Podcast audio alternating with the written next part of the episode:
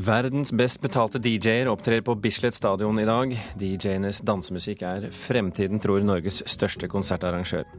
For første gang er det forsket på samisk samtidskunst som kunst, og ikke som uttrykk for samisk kultur. Og møt samleren som ringes når plateselskapene trenger originalinnspillinger til nye utgivelser. Så er det fredag i dag, og det betyr Fredagspanelet. Vi snakker om svarte profilbilder, filmsuksess som spiser opp nyinvesteringer og eh, grå hus. For Eh, I dag går noen av de best eh, betalte DJ-ene i verden på scenen på Bislett stadion. Anledningen er Findings-festivalen, som utelukkende er viet eh, til elektronisk dansemusikk. Samtidig satser Norges største konsertarrangør tungt på slik musikk, og sier at det er fremtiden. Det er veldig mange i min aldersgruppe som skal dit, i hvert fall.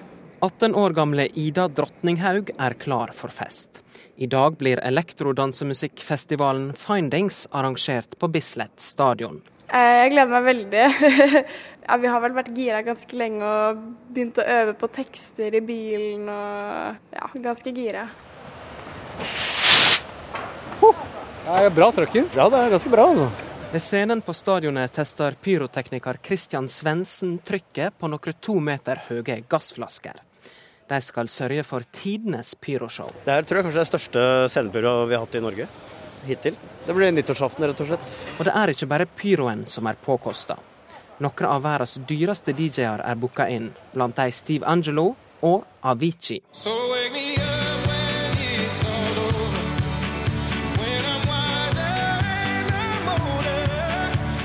Den svenske DJ-en tjente 180 millioner kroner i fjor, ifølge Forbes Magazine. Sammenlagt omsetter EDM, elektronisk dansemusikkbransjen, for over 38 milliarder kroner, ifølge en rapport fra bransjetreffet International Music Summit. De er rockestjerner. Det, det, når de entrer scenen, så skriker folk. De har samme ljud, ljus som alle rockband. Det, de er liksom nutidens rockstars. Det sier Martin Nilsen i Live Nation, Norges største konsertarrangør, som arrangerer festivalen. Live Nation satser tungt på EDM, fordi det er det publikum vil ha. Som arrangør då, som jobber for å boke inn så mange og bra konserter som mulig for publikum, så er det klart at vi kan ikke se bort fra det. Og når publikum vil ha noe, kan artistene ta seg godt betalt. Men Nilsen vil ikke si hvor mye de måtte betale Avicii. Det står i både kontrakt og gentleman's agreement at man ikke prater om penger.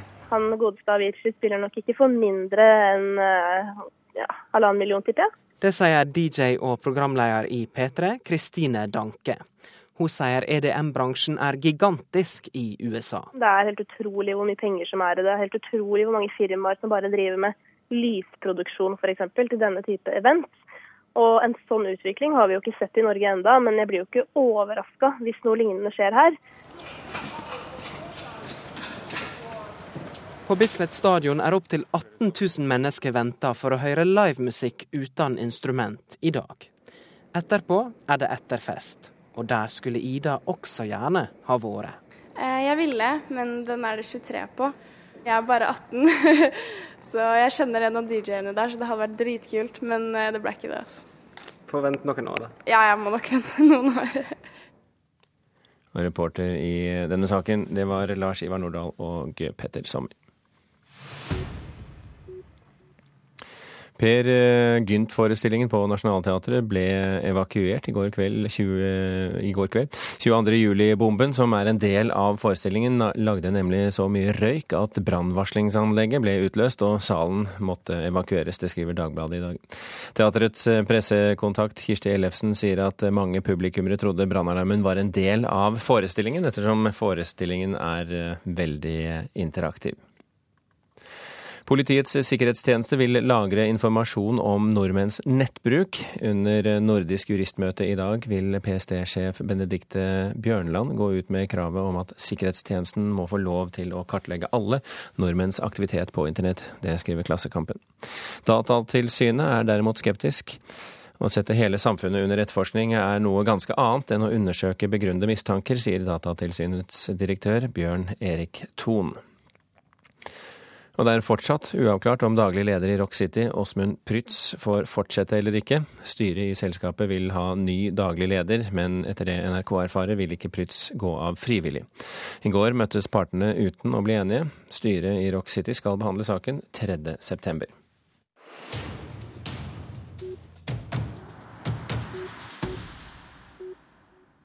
Filmfestivalen i Haugesund arrangerer i år for femte gang location-tur med båt og helikopter for utenlandske filmprodusenter. Ettersom Norge ikke gir støtte eller skattelette til utenlandske produksjoner, er det få som velger å spille inn film her, og det er location-turene ment å endre på. Okay.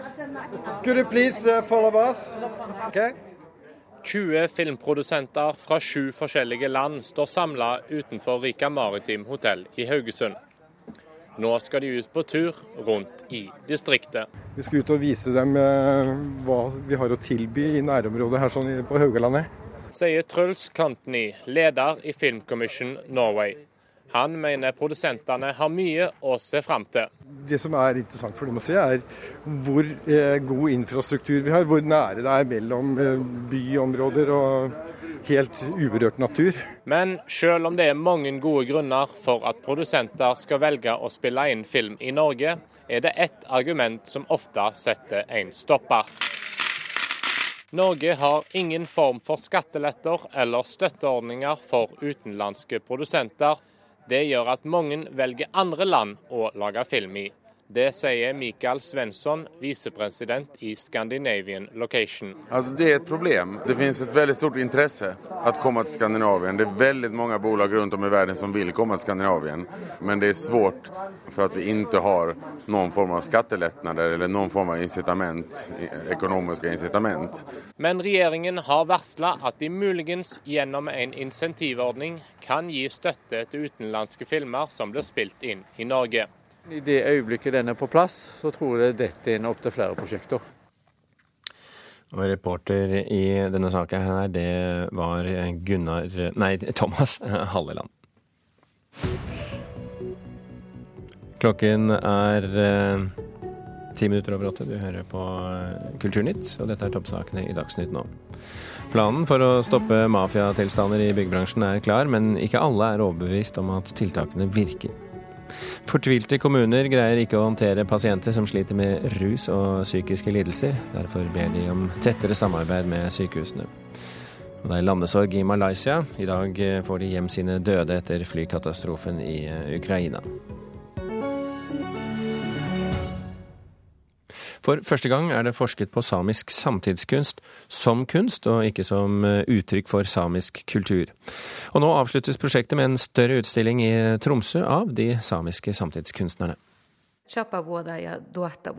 Ja, det er det samiske navnet på utstillinga som åpner på Tromsø kunstforening i dag. Beauty and Truth er den engelske tittelen, og dette er den første gruppeutstillinga på flere år med samiske kunstnere med utelukkende nye verker. Men dette er altså ikke bare ei utstilling. Det er egentlig ganske unikt både når det gjelder presentasjonen av samisk kunst og når det gjelder forskning på kunst. Det sier Hanna Horsberg Hansen, førsteamanuensis ved Kunstakademiet i Tromsø, som også har skrevet doktorgradsavhandling i prosjektet. Målet med Sami Art Research Project har vært å få ny kunnskap om samisk kunst, og samtidig utvikle nye teoretiske tilnærminger til denne kunsten. Når jeg begynte på dette i 2006, eh, så var det ikke forska på samisk samtidskunst i det hele tatt. Og Det var litt interessant. og når jeg skrev først en hovedoppgave om det her, så fikk jeg jo beskjed om at nei, det var ikke et felt man kunne forske på innenfor kunsthistorien. Samisk kunst var faktisk ikke et felt for forskning, det var et felt for noe helt annet. Og jeg tenkte hvis de sier at jeg ikke kan gjøre det, da skal jeg i hvert fall gjøre det. Det skal bli et verk som heter Mobilitet. Verket til Lena Stenberg, en av de to svensk-samiske kunstnerne i prosjektet, ligger fortsatt i deler på gulvet i Kunstforeninga. Det her handler jo om det samiske hjemmet som er lavvoen og kåtan fra begynnelsen. Gjennom samtaler og foredrag har Stenberg og de andre kunstnerne blitt involvert for å kunne utfordre og kritisere kunsthistorien. Senere i høst kommer også ei bok om forskninga og utstillinga. Jeg tror det er veldig viktig, for det, det er såpass stort prosjekt. Samisk kunst har tidligere blitt sett på med antropologisk blikk, og gjerne i sammenheng med religion. Det forteller Irene Snarby, som er ph.d.-stipendiat ved kunstvitenskap ved Universitetet i Tromsø. Nå, nå tar vi for oss kunstverkene som kunst, og ikke som at den skal illustrere eh, en hel kultur. Beauty and Truth-utstillingen den kan oppleves i Tromsø kunstforening til og med den 26. oktober. Og reportere her det var Hege Irén Hansen. Nå skal du få møte en platesamler med teft for det sjeldne. Jan Plato fra Oslo har komplette samlinger med flere norske artister, bl.a. Alf Prøysen. Samlingen hans er såpass omfattende at plateselskapene ringer ham for å låne gamle plater når de skal reutgi musikk. Selv kaller han det å samle for kulturarkeologi. Har vel brukt det mesteparten av livet til å spille grammofonplater. For jeg fikk jo en sånn sveivegrammofon når man var liten husker at vi var nede i byen og kjøpte grammofonplater lenge før jeg begynte på skolen. Platesamler Jan Plato fra Oslo interesserte seg tidlig for musikk på grammofon. Han har brukt mesteparten av livet til å høre på plater og på å samle dem. Jeg er ikke sikker på hvor mange det er, men jeg har i hvert fall klart å samle opp hver eneste ting som Alf Prøysen har, har gjort.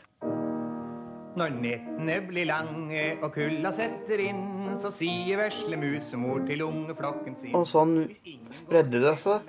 Slik at man har jo da absolutt alt med Kurt Foss og Reidar Bø. Så har man jo alle platene til Leif Juster. Jeg mangler riktignok én. Det er en reklameplate for eh, Tomtens oppvaskmiddel. Men ellers har jeg greid å få tak i alt det andre.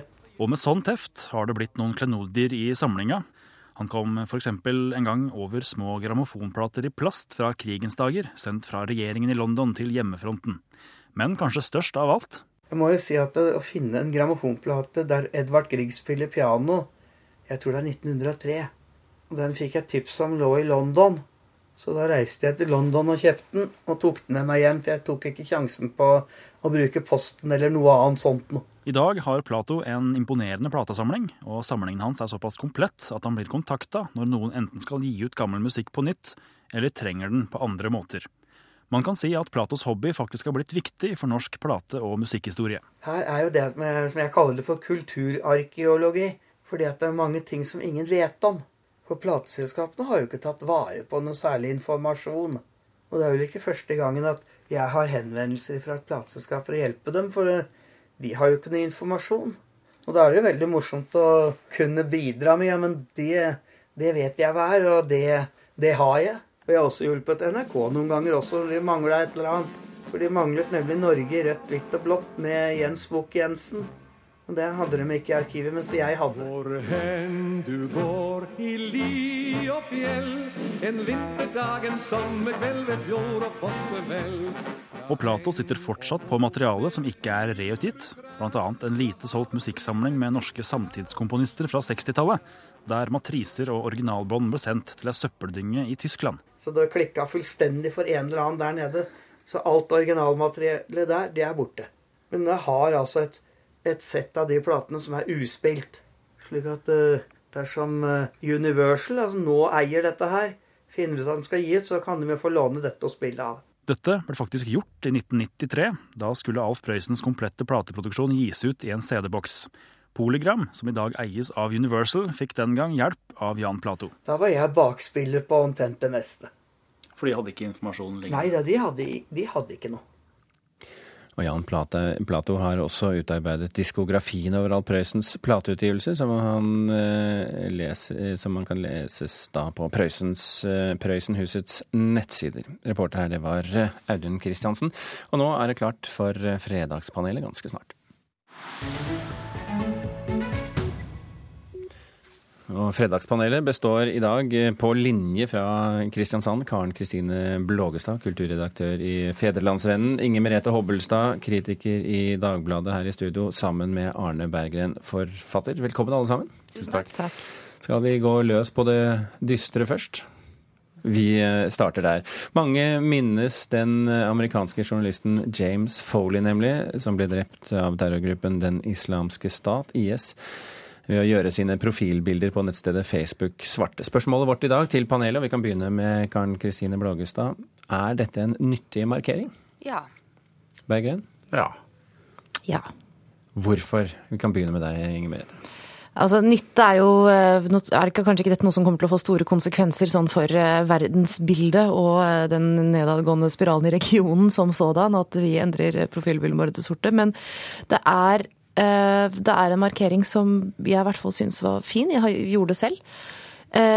og det er klart at dette er jo ikke noe noen av oss kan gjøre noe med. Det har skjedd en fryktelig ting. Mange føler seg liksom maktesløse overfor det. altså denne, Disse fryktelige bildene som kommer ut fra Irak. Men det er noe med altså, Og livene våre går jo sin gang. altså Alle legger opp sine sedvanlige både trivielle og mindre trivielle statusoppdateringer parallelt med alt dette skjer i verden. Men når jeg ser på Facebook-siden min og ser bare disse sorte bildene, at hele feeden min er full av disse sorte firkantene nedover, så blir det som en litt sånn basstone i dette døgnet. da, det at Som en konstant liten påminnelse på at, for at dette skjedde. Og at det er folk som har en jobb som jo er på en måte i samme bransje som oss, men som faktisk tar enorme risikoer for å rapportere tilbake fra områder som Irak, og som dette skjedde med. Og det, det føles ganske riktig at vi ikke slipper tak i det med en gang. Bergen. Jo, jeg er vel enig. Det er klart at noen ganger kan det gå sånn litt inflasjon i disse markeringene på Facebook. Eh, at, kombinert med Earth Hour og lys i vinduer og sånne ting, så er det en veldig sånn lavterskelmåte å ha engasjement på i disse dager. Men eh, jeg er vel ikke sånn øh, jeg er liksom litt sånn dårlig på å reagere. Jeg, så jeg kjenner meg bare litt flau når jeg, liksom, jeg slår på Facebook, og så irriterer jeg meg litt. Så tenker jeg nei, dette er jo, dette er jo egentlig ganske fint. Da. Folk bryr seg. og det er, Denne basstonen er en veldig god beskrivelse av det hele. Men Blågestad, eh, det snakkes om sånne typer markeringer som eh, man bruker ordet slacktivism, altså en slags veldig slapp form for engasjement. Eh, er det det for deg også?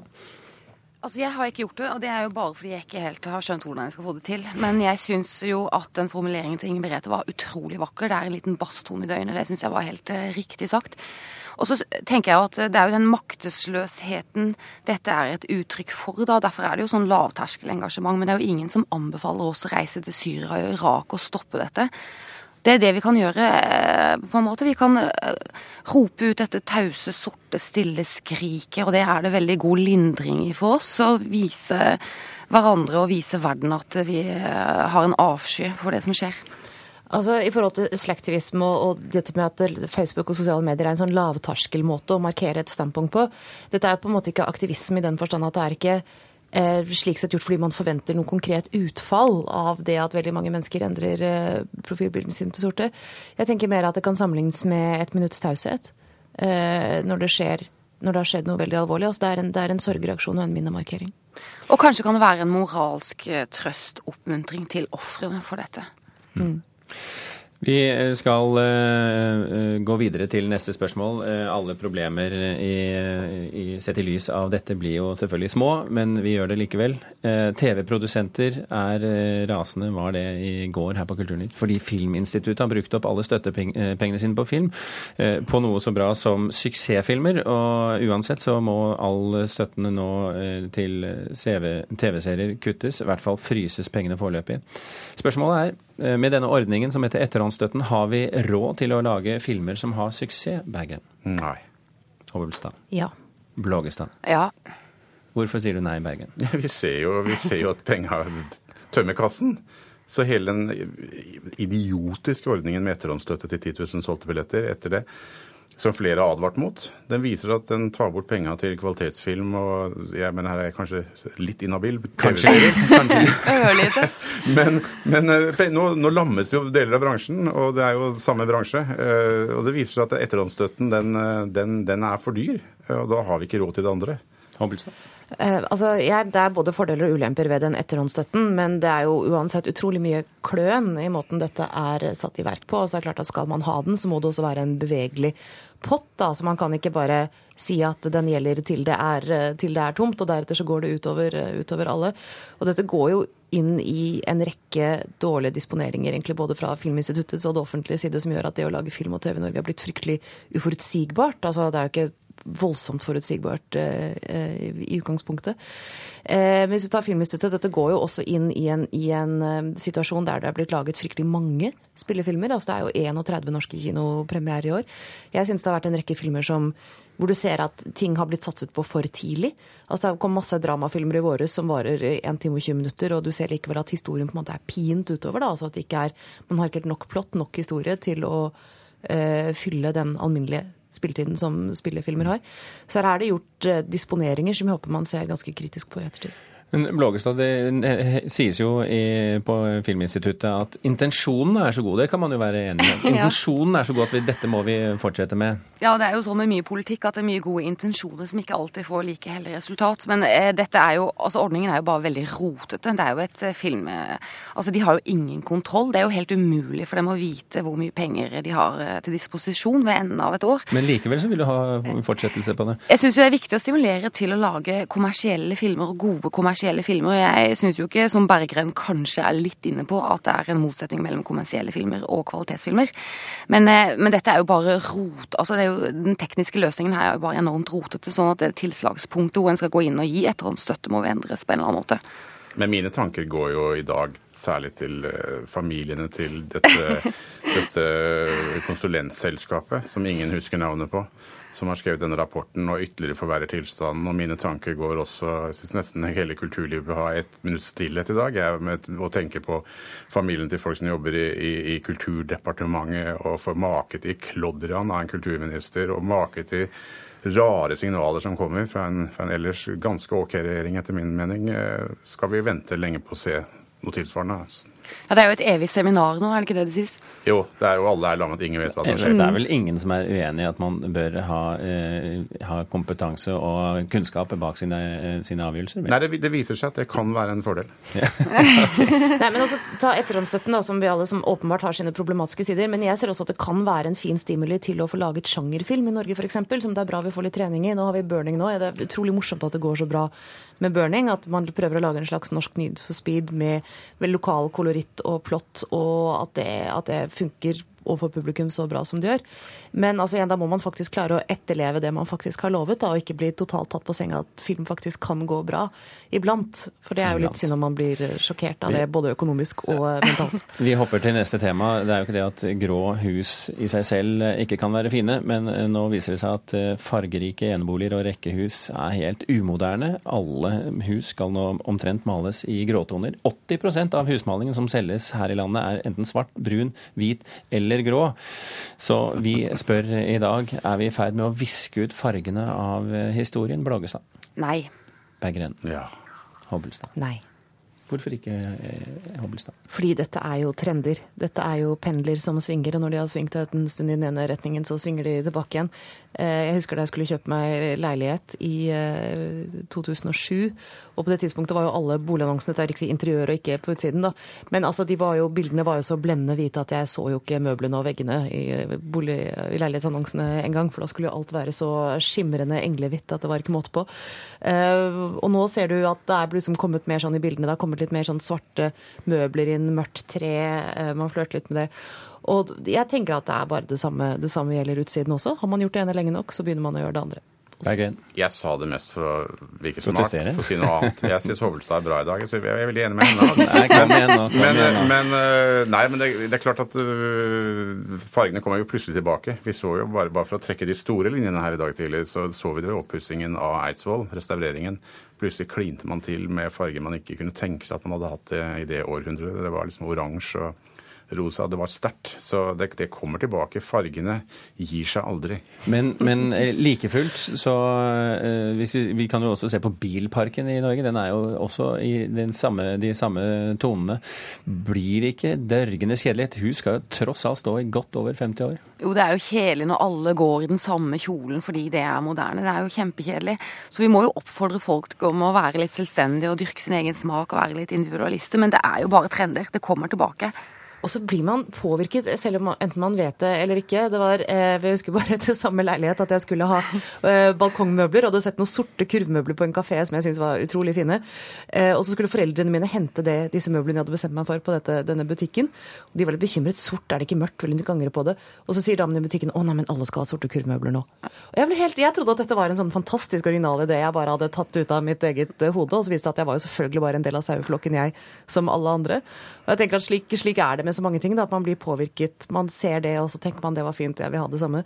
Men jeg tror nok også at fargene vil overleve oss alle. Men hvordan eh, er det, Blågstad? På Sørlandet så er det jo opptil flere byer som nesten bare går i hvitt opp Oppleves det også på Sørlandet som dørgende kjedelig? Eh, nei, de hegner jo litt om de hvite sørlandsbyene, men de er også under press nå. fordi at eh, opprinnelig så var jo de mer fargerike også. De hadde jo eh, fargede vinduskarmer, og de var jo okergule og skagengule og bonderøde og alt det der. Sånn at de er under press, de også. Det der hvite er jo litt sånn romantisert, idyllisert eh, Altså man har på en måte bare stoppet tiden på ett punkt. Eh, jeg synes det er morsomt, Man skal jo ikke lenger tilbake til 90-tallet, da TV 2 startet. Hvis du ser på sånn da det var OL i Barcelona, da det, hvis du ser bare på bildene i TV-studioene og TV-logoene, hvor utrolig sånn tette og fargemettet de var. Hvor mye sånn terrakotta, mørkegrønt og eh, veldig sånne tette ting. Og da var jo det, det er noe av det som gjør at det virker som steinalder, når du ser liksom de samme eh, logoene og slike ting i dag. Så det er jo ting som preger hele tiden, hele tiden man lever i, uten at man helt får det med seg, før det har skiftet igjen. Hadde det ikke vært morsomt, Berggren, eh, hvis man i f.eks. denne denne store eh, byutviklingen i Bjørvika, hvor det bare er hvitt og grått bortover hele, hadde satt et svært rødt bygg. Jo, er det ikke det? Er ikke Lambda skal jo fungere litt sånn, skal det ikke det? Blir, blir, Nei, det blir, det blir veldig også. Nei, men, men, men la oss sende en, Kulturkanalen sender en oppfordring til alle de som sitter med fargekart i dag. Tenk om igjen. Det, her, det, er mer, det er mer å velge mellom. Ja, for eksempel. Se på kartet en gang til. Ja, jeg bor i et rødt hus. Ja, jeg kjører en sort bil. da. Og Arne Bergen har eh, rosa lilla skjorte i dag, så jeg føler at det er et lite sånn opprør mot trenden. Sånn, det er noe motstrøms bare ja. Rosa Ralph Lauren-skjorte, hvis jeg, jeg ikke tar feil. at skjorten til Bergen nå blir eh, det bestemmende for hvordan husfargene skal være i fremtiden. Litt sånn lett rosa. Uansett, vi får runde av eh, nå dette fredagspanelet. Karen Kristine Blågestad i Kristiansand, Inger Merete Hobbelstad og Arne Berggren var med i dag. Frode Thorshaug, Anne Irén Finstad og Birgit Aasen takker for følget.